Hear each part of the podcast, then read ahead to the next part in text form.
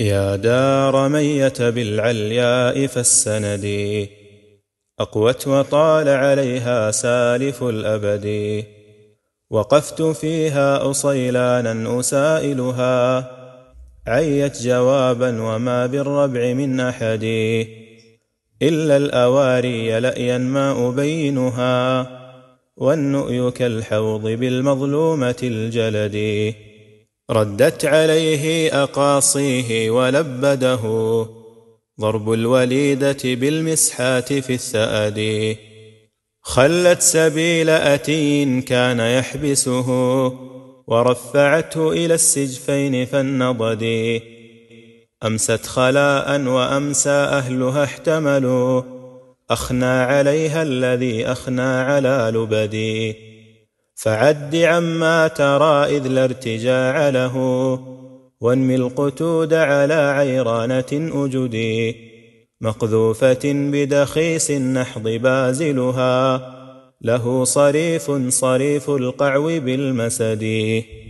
كأن رحلي وقد زال النهار بنا يوم الجليل على مستأنس وحدي. من وحش وجرة موشي أكارعه. طاوي المصير كسيف الصيق للفريد. أسرت عليه من الجوزاء سارية. تزجي الشمال عليه جامد البرد. فارتاع من صوت كلاب فبات له. طوع الشوامت من خوف ومن صرد. فبثهن عليه واستمر به. صمع الكعوب بريئات من الحرد. وكان ضمران منه حيث يوزعه. طعن المعارك عند المحجر النجد. شك الفريصة بالمدرى فأنفذها. طعن المبيطر إذ يشفي من العضد. كأنه خارجا من جنب صفحته. سفود شرب نسوه عند مفتأد فظل يعجم أعلى الروق منقبضا في حالك اللون صدق غير ذي أود. لما رأى واشق إقعاص صاحبه ولا سبيل إلى عقل ولا قود قالت له النفس إني لا أرى طمعا وإن مولاك لم يسلم ولم يصد. فتلك تبلغني النعمان إن له فضلا على الناس في الأدنى وفي البعد. ولا أرى فاعلا في الناس يشبهه ولا أحاشي من الأقوام من أحد. إلا سليمان إذ قال الإله له قم في البرية فاحددها عن الفند. وخيس الجن إني قد أذنت لهم يبنون تدمر بالصفاح والعمد.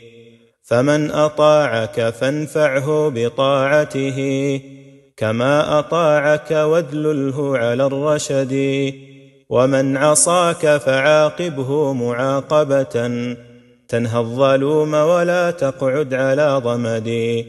إلا لمثلك أو من أنت سابقه. سبق الجواد إذا استولى على الأمد. أعطى لفارهة حلو توابعها. من المواهب لا تعطى على نكد. الواهب المئة المعكاء زينها. سعدان توضح في أوبارها اللبد. والأدم قد خيست فتلا مرافقها. مشدودة برحال الحيرة الجدد والراكضات ذيول الريط فانقها برد الهواجر كالغزلان بالجرد والخيل تمزع غربا في أعنتها كالطير تنجو من الشؤبوب ذي البرد. احكم كحكم فتاة الحي إذ نظرت إلى حمام شراع وارد الثمد يحفه جانب نيق وتتبعه مثل الزجاجة لم تكحل من الرمد. قالت ألا ليت ما هذا الحمام لنا إلى حمامتنا ونصفه فقدي فحسبوه فألفوه كما حسبت تسعا وتسعين لم تنقص ولم تزدي فكملت مئة فيها حمامتها وأسرعت حسبة في ذلك العدد فلا لعمر الذي مسحت كعبته وما هريق على الأنصاب من جسدي والمؤمن العائذات الطير يمسحها ركبان مكة بين الغيل والسعد. ما قلت من سيء مما أتيت به. إذا فلا رفعت سوطي إلي يدي. إلا مقالة أقوام شقيت بها. كانت مقالتهم قرعا على الكبد. أنبئت أن أبا قابوس أوعدني. ولا قرار على زأر من الأسد. مهلا فداء لك الأقوام كلهم وما أثمر من مال ومن ولدي لا تقذفني بركن لا كفاء له وإن تأثفك الأعداء بالرفد. فما الفرات إذا هب الرياح له؟ ترمي غواربه العبرين بالزبد.